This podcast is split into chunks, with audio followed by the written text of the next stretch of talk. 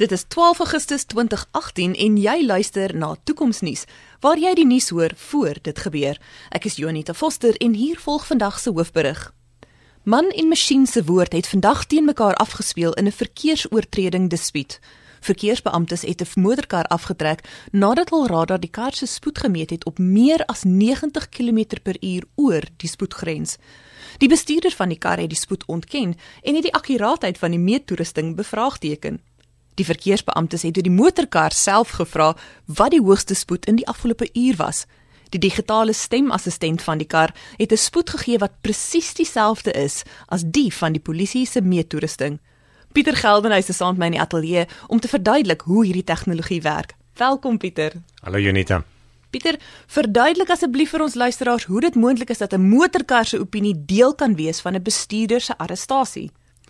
Anita, hierdie storie laat my dink aan 'n ou professor wat ek by Unisa geken het. Elke keer as hy 'n verkeerskaartjie gekry het, dan het hy so 13 verskillende vrae aan die verkeersdepartement gestuur.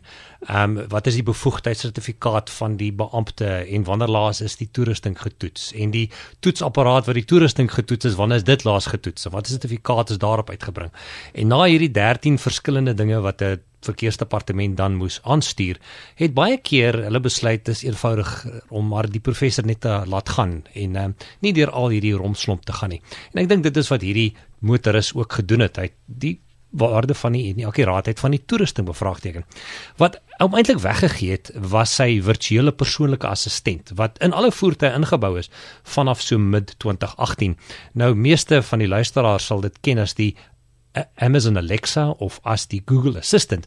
En dit is die luidsprekers wat by ons huise begin het met wie ons gesels het, raak in ons musiek en die aanskakeling van ons TV's en ons uh, ligte en dis meer en natuurlik Google Assistant wat die stemplatform geword het op al ons fone. Nou ons moet besef hierteen Oktober 2017 was daar 'n geweldige groot verandering want vir die eerste keer het masjienleer menslike stem 95% akkuraat getipeer wat baie beter is as die normale persoon. So die identifisering van woorde was meer as 95% en dit het beteken dat mense al hoe meer en meer met hulle rekenaars en met hulle karre en met hulle selfone begin praat het want daar was nuttigheid en waarde daarin om die stem die koppel die primêre koppelvlak na die internet toe te maak. En van daai punt af is die stemmodule eintlik in alles ingebou. In voer in voertuie, in huise, in uh, sleepwaens, in oorfone, jy jy noem dit. Hierdie stemassistente is fisies en alles ingebou. En wat hier werklik gebeur het is dat die verkeersbeampte maar net uh, sy kans gesien het en gesê het, "Hoe vinnig het jy gery?" voertuig en die voertuig het aan hom die regte antwoord gegee.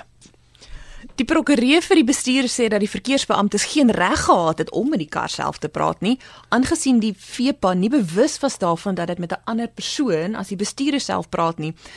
Is die vervaardigers van die VEPA bewus van hierdie skuiwergat? Ek dink in 'n mate moes hulle wees, um, maar hulle het nie normaalweg verwag dat 'n ander persoon met die kar sou praat behalwe die bestuurder of die passasiers in die voertuig nie. In die verlede het um, in plaas van om tok tokkie te speel, het die uh kinders natuurlik rondgehardloop na sekere huise toe en dan aan hierdie FEPA 'n klomp goed geskree. Onder andere het hulle stoute volwasse speelgoed aangekoop by 'n winkel en dan het hierdie persoon 3 dae, 4 dae later 'n interessante pakkie op sy voorstoep gekry met hierdie stoute volwasse speelgoed in. En op daai stadium het hierdie maatskappye toe besluit om 'n sleutelwoord of 'n wagwoord in te sit dat die kinders dit nie kan doen nie. Ek dink egter hulle het nie besef dat dit binne in 'n kar gaan gebeur en jy wil nie elke keer 'n sleutelwoord gebruik in 'n kar nie. So ek dink die die vervaardigers is bewus hiervan, maar ehm um, dit is 'n baie interessante geval wat ons hier sien. Pieter, hoe kan die luisteraar seker maak dat hulle nie dieselfde oorkom nie? Wel, ek dink die belangrike ding is jy kan die FEPA jou persoonlike stem leer. Dit vat jou omtrent so 10 of 15 minute, maar dan gaan hierdie virtuele persoonlike assistent net na jou stem luister en nie na ander mense nie. So as jy bietjie vinniger wil ry, uh, skakel die VPA af of maak seker dat niemand anders haar vrae kan vra nie. Dankie Pieter. Motoriste word aangeraai om nie hul VPA's in hul motorkarre heeltemal te deaktiveer nie, aangesien daar heelwat veiligheidsfunksionaliteit dan ook afgeskakel sal wees. Ry maar eerder veilig en hou self 'n oog op die spoedmeter. Dit was Pieter Geldenhuys en Jonita Vosser vir Toekomsnuus waar ons die moontlikhede van die toekoms ondersoek.